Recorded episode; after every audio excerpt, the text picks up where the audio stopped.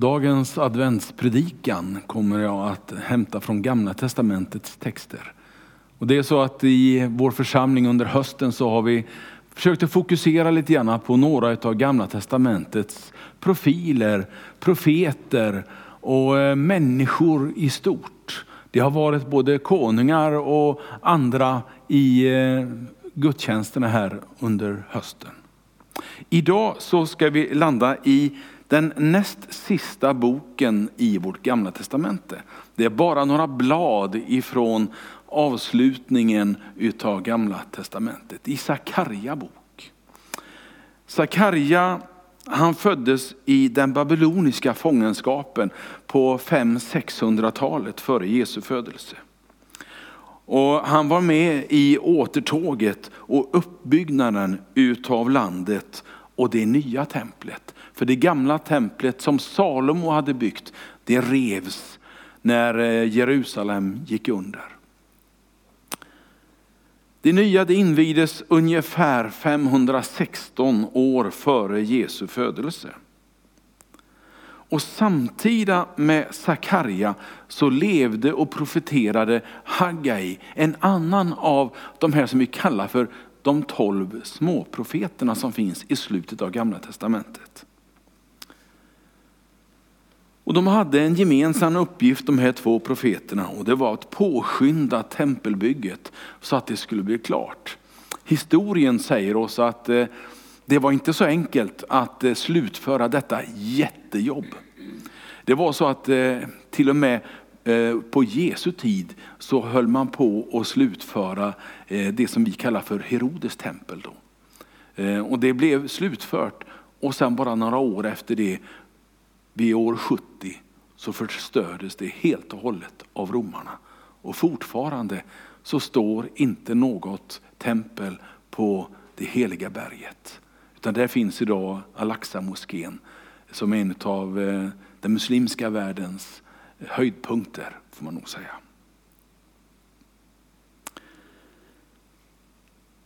Sakarja bok är också en av de böckerna i gamla testamentet som är mest citerade när vi kommer in i nya testamentet. Trots att boken är ganska liten och inte har så många kapitel så är det ändå den som är mest citerad av Jesus och Paulus i vårt nya testamente. Adventstid ja. Ja, du har redan anat att advent finns ju inte i Bibeln. Alltså själva uttrycket finns ju inte i Bibeln. Utan det har man ju eh, kommit på efteråt sen. Men ändå så fanns det en viss adventstid. Det fanns en tid när man eh, längtade efter Messias ankomst. Och den här längtan den blev bara starkare och starkare vart efter tiden gick. Den var stark på Jesaja tid, den var stark på Sakarja tid. Den var stark när eh, de sista böckerna i vårt gamla testamente skrevs. Och då talar jag inte om turordningen i Bibeln utan vilka årtal saker och ting skrevs. Och då är vi någonstans vid 400-talet före Jesu födelse. Den var väldigt stark. När Johannes döparen uppträdde och sa att snart kommer han. Ankomsten var nära. Men det är också väldigt mycket i adventstid, en glädjens tid. Det är en glädje inför hans ankomst. Det är en glädje fylld av förberedelser. Det är en glädje fylld av att han kommer, Messias, löftets Messias. Och vet du, jag behöver få uppleva lite glädjens tid. För vi är nog ganska många som tycker att november var lite jobbigt. Men att få gå in i december med den pandemi vi har runt omkring oss förtar lätt en del av glädjen. Men då vill jag dyka ner i löftesordet då vill jag dyka ner och hämta inspiration i min bibel. Och hämta glädjen inför talet om Messias ankomst. Talet om att han kommer tillbaka. Talet om Jesus.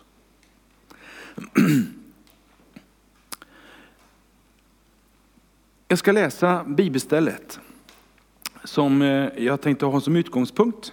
Under tiden får du gärna hälsa hälla upp ett glas vatten till mig också märkte jag.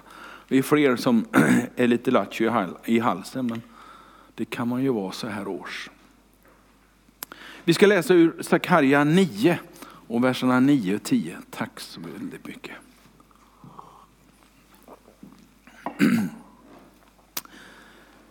Och eh, bibeltexten kommer längst ner i rutan så du kan följa med om du inte redan har slagit upp Gamla testamentets näst sista bok, kapitel 9 och vers 9 och 10.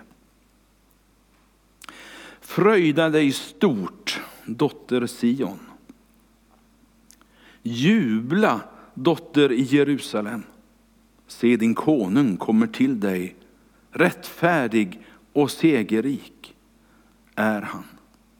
Han kommer ödmjuk, ridande på en åsna, på en åsninnas föl. Jag ska ta bort vagnar ur Efraim och hästar ur Jerusalem. Stridens bågar ska bort. Och han ska tala frid till hedna folken. Hans välde ska nå från hav till hav och från floden till jordens ändar. Amen. Tänk att 500 år före hans födelse så finns det profeter i Israel som liksom känner av det som vi upplever där Jesus kom. Det är helt fantastiskt.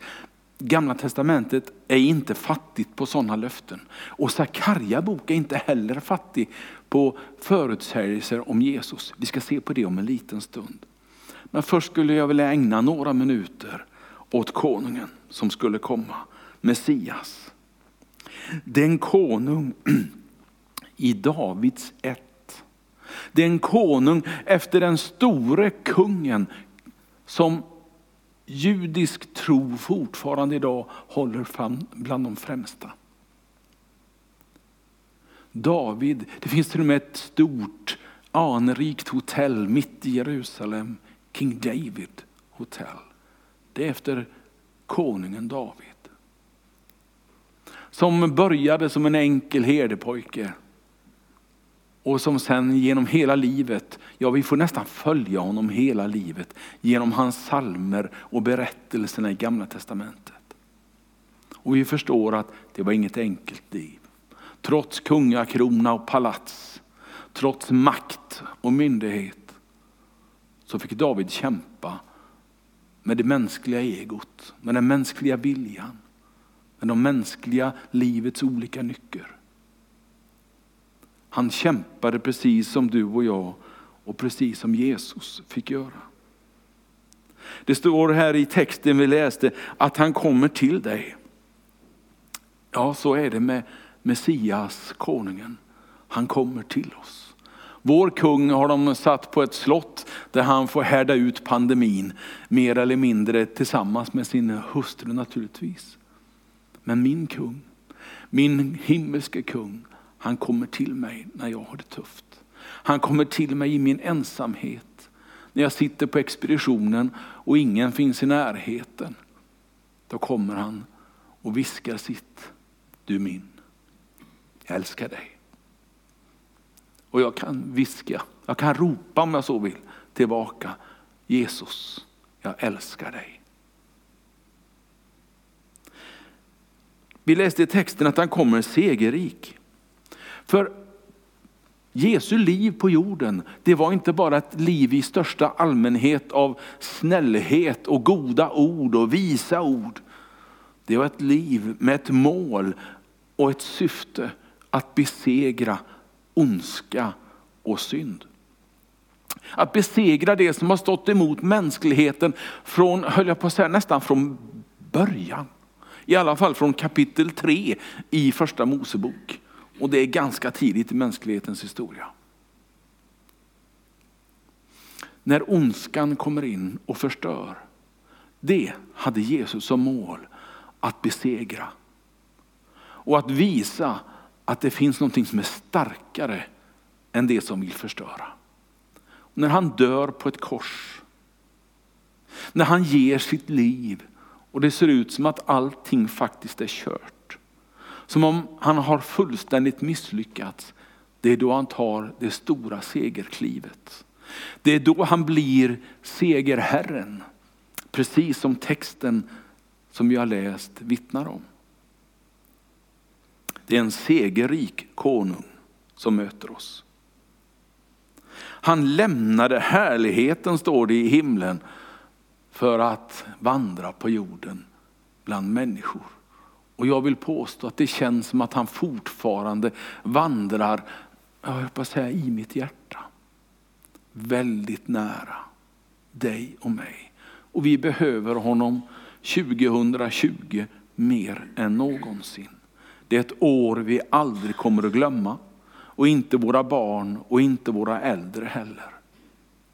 Men låt det också få bli ihågkommet, inte bara för ett virus, utan också för glädje, hopp och tro i Jesus Kristus. Redan från eh, födseln, som vi kommer att närma oss närmare jul i de olika texterna, så möter vi flyktingen, så möter vi fattigdomen som fanns runt omkring Jesus som en nyfödd bebis. Och det verkar som att fattigdom och flykt är någonting som vi aldrig kommer ifrån på vår jord. Och ändå så vill jag påstå att ondskan är besegrad. Ondskan har inte det där slutgiltiga. Ondskan har små tjuvnyp känns det som. Det känns som att ondskan försöker. Men ondskan är besegrad av min konung, av Messias, Herren. När Jesus red in, som eh, vi läste i början i gudstjänsten, när han red in på en åsna så är det många som har funderat på varför en åsna. Och det är nog få djur som har sjungit så mycket vackra sånger om som denna åsna. Det är ett djur som har fått dåligt rykte. Därför att man säger att det är envist. Åsnan är dum och åsnan gör som den vill. Men åsnan är också en symbol för fred och frid. När Jesus rider in i Jerusalem så kommer han inte på en vacker stridshäst fullt utrustad med svärd och sköld och krona på huvudet. Nej, han kommer enkelt.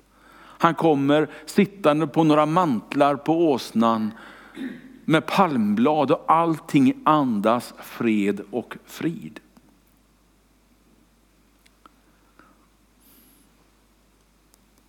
Åsnan är ingen fattig symbol, utan snarare en symbol för fred. Så hör ni, mer åsnor i vardagslivet. Eller hur? Jag är gärna en åsna om man kan få komma med fred. Om man kan få komma med frid till ett oroligt hjärta. Till någon som behöver få uppleva Messias, Herren.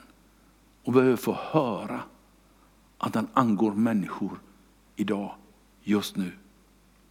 Just där du är.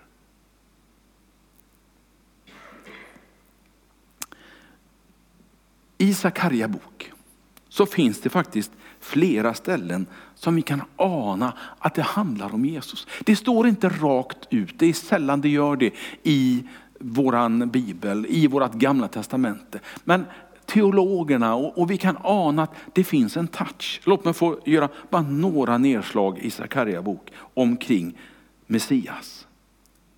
Redan i den första versen som vi läste idag, i vers 9, så står det ju ganska tydligt om honom, om just hans rättfärdighet och segerrika egenskaper. Det finns väl ingen som har gått på den här jorden mer rättfärdig än Jesus Kristus. Det finns väl ingen på den här jorden som har besegrat ondskan på det sätt som Jesus gör. Utan att själv vara besudlad på något sätt med ondska. Vi kan också läsa i kapitel 11, jag får bläddra lite i min bibel och du får gärna hänga med. Jag tror att texten kommer även nere i rutan. Kapitel 11, vers 12 och 13.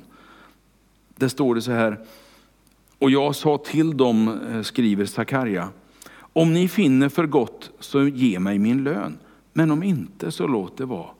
Och nu kommer det. Då vägde de upp min lön, 30 siklar silver. Ett ganska märkligt, en märklig mening. Och så kommer det i eh, vers 13, och Herren sa till mig, kasta dem åt krukmakaren det härliga pris som de tyckte jag var värd. Och jag tog de 30 silversiklarna och kastade dem i Herrens hus åt krukmakaren. Det kommer 30 silverslantar, 30 silversiklar. En sikel det var ungefär 300 gram. Och 30 sådana 300 grammare det var ungefär vad en slav var värd.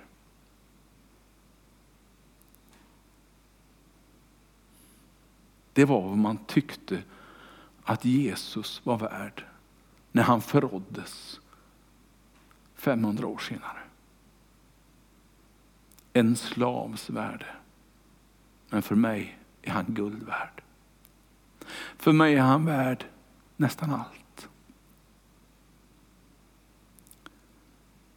Vi kan bläddra fram till tolfte kapitlets tionde vers. Där står det så här.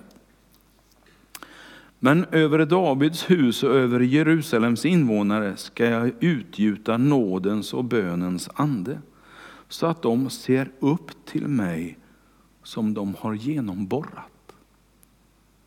Och här är så många teologer överens om. Det här är som att stå och titta bland skaran som var där på Golgata berget. Det är precis som att vara där. Det är precis som Sakarja redan vet vad som kommer att hända med Jesus.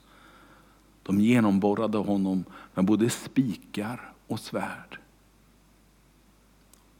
Kanske Sakarja anade det i sitt hjärta på ett tydligt sätt. Så det finns mycket av Jesu liv och framför allt de sista månaderna egentligen av hans liv i Gamla Testamentet. En sista, en sista eh, vers ur Sakarja, 13 kapitlet, vers 7. Svärd upp mot min herde, mot den man som står mig nära. Så säger Herren Sebaot, slå herden så att fåren skingras. För jag ska vända min hand mot de små. Ja, jag vet, det är inte enkelt alla versar i Bibeln. Men här är det återigen Jesus som herde. En slagen man.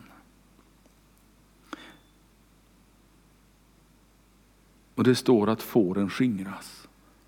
Och då blev jag lite rörd när jag läste det i veckan. För det var precis det som han fick uppleva. Han stod där på torget bland alla människorna och upplevde hur alla hans lärjungar, alla som hade lovat honom trohet och alla som hade lovat honom både det ena och det andra. Och den som lovade mest, han lovade till och med att med svärd i min hand ska jag försvara dig Jesus. Ingen och allra minst jag. Och han var den som förnekade honom både en gång, två gånger och tre gånger. Hela lärjungaskaran bara skingras. Och när jag läste det så tänkte jag, Gud, var är min fårjord? Jag som församlingsherde, var är min fårjord? Ja, ni sitter ju där. Du finns ju där.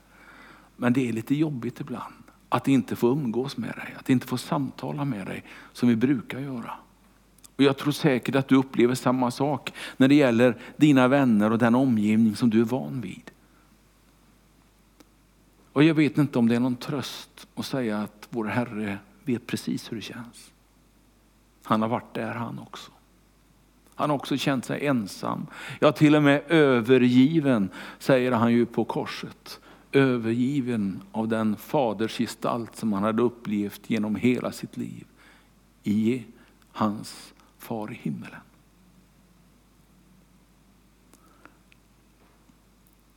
Vi får försöka härda ut tillsammans den pandemi som eh, just nu har tagit sitt grepp ganska hårt om Tibro. Faktiskt. Ingen fysisk gemenskap utanför familjen. Knappt att vi får mötas i kyrkan överhuvudtaget. Vi som är här idag, vi sitter med ett par, tre bänkar mellan oss och vi försöker göra allt för att hindra smittspridningen. Men vet du, han kommer. Advent, det är att han kommer. Ankomsten in i ditt hjärta, in i din situation, in i ditt liv. Min tredje punkt omkring Sakarja i adventstid handlar om återkomsten. Vers efter vers i Bibeln så talar det om en messiansk återkomst. Och ibland när vi läser om det i Gamla Testamentet och så även i Sakarja bok, så kan det vara svårt att se vilken återkomst, vilken ankomst det är. Och jag tror att både Sakarja och de andra profeterna hade svårt att se det de också. Och kanske det inte är meningen att allting ska vara så tydligt, men att vi ska ana att det finns en tid när Jesus kommer tillbaka. Precis som han kom då när han satte sin fot på jorden för första gången. Juden såg inte den första ankomsten utan väntar fortfarande på sin Messias för första gången. Men vi som har hittat Jesus tron, vi ser också löftet om att han kommer tillbaka. Vi väntar på en andra ankomst. Och kanske är det då som han kommer ridande på den vita hästen med kungakronan och liksom hela jorden blir lagd under hans fötter. Som det står i flera, på flera ställen i vår bibel. En vit häst, kungakrona, som himmelens och jordens konung. En ankomst där Jesus upprättar ett äkta fredsrike. Ett äkta fredsrike. Som eh, man kan mäta i då vapen och stridsfordon läggs på skrothögen för gott. Då det smälts ner till jordbruksredskap. Det finns många som har sagt att här kommer fredsriket, där är fredsriket. Men ännu har jag inte sett hur det på den här globala delen börjar smälta ner stridsfordon, karbiner och svärd och sköldar. För att användas på ett fredligt sätt. Men när han kommer, då kommer det att ske.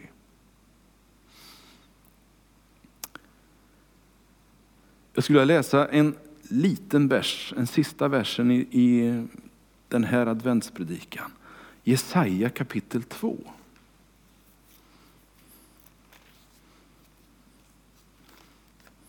Måste jag få bläddra lite grann för den hade jag inte. vet, man fuskar ju lite grann när man ska predika så här. Man har ju små märken i sin bibel. Eh, men idag så hade det ramlat bort. Jesaja 2, vers 4. Där står det så här.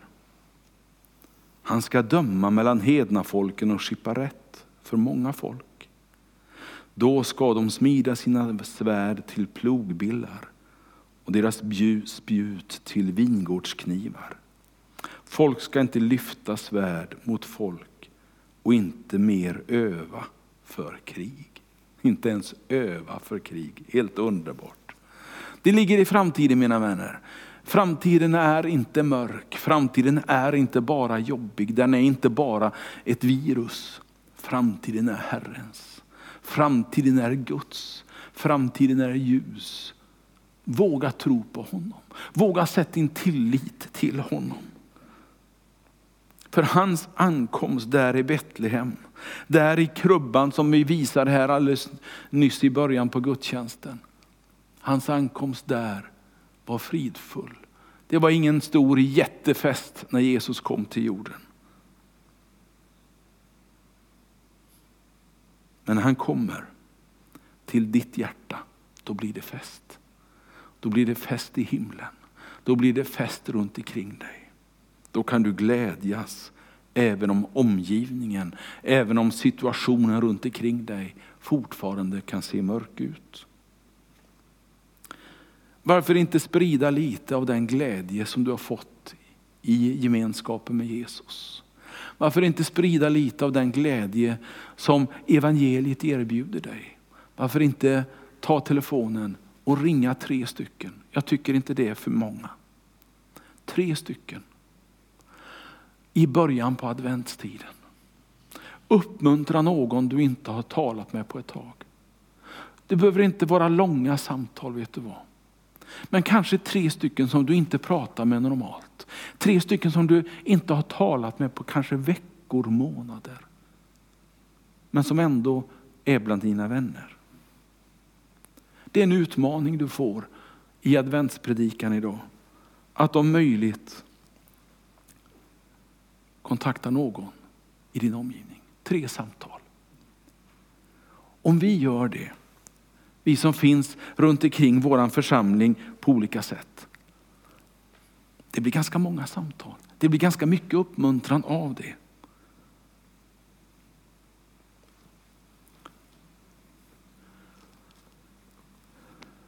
Jag säger inte att eh, allt handlar om glädje i advent. Det vet du och jag likväl bägge två. Men vet du, vi ska knäppa våra händer. Patrik ska komma upp till mig här och vi ska tillsammans be för den situation som vi finns i just nu. Därför att det är som jag anar och som jag vet, det är så många som känner en ensamhet idag Patrik. Det är så många som eh, känner att glädjen kanske inte riktigt har kommit ännu. Men vi ska be att glädjen får kliva in i ditt hem, i ditt hjärta. Och när du pyntar med ljus, när du pyntar med olika adventstillbehör och kanske redan jultillbehören. Så ska, när du hänger upp de där grejerna, när, när du tar fram de där grejerna, så ska också påminnas om Messias ankomst i ditt hjärta.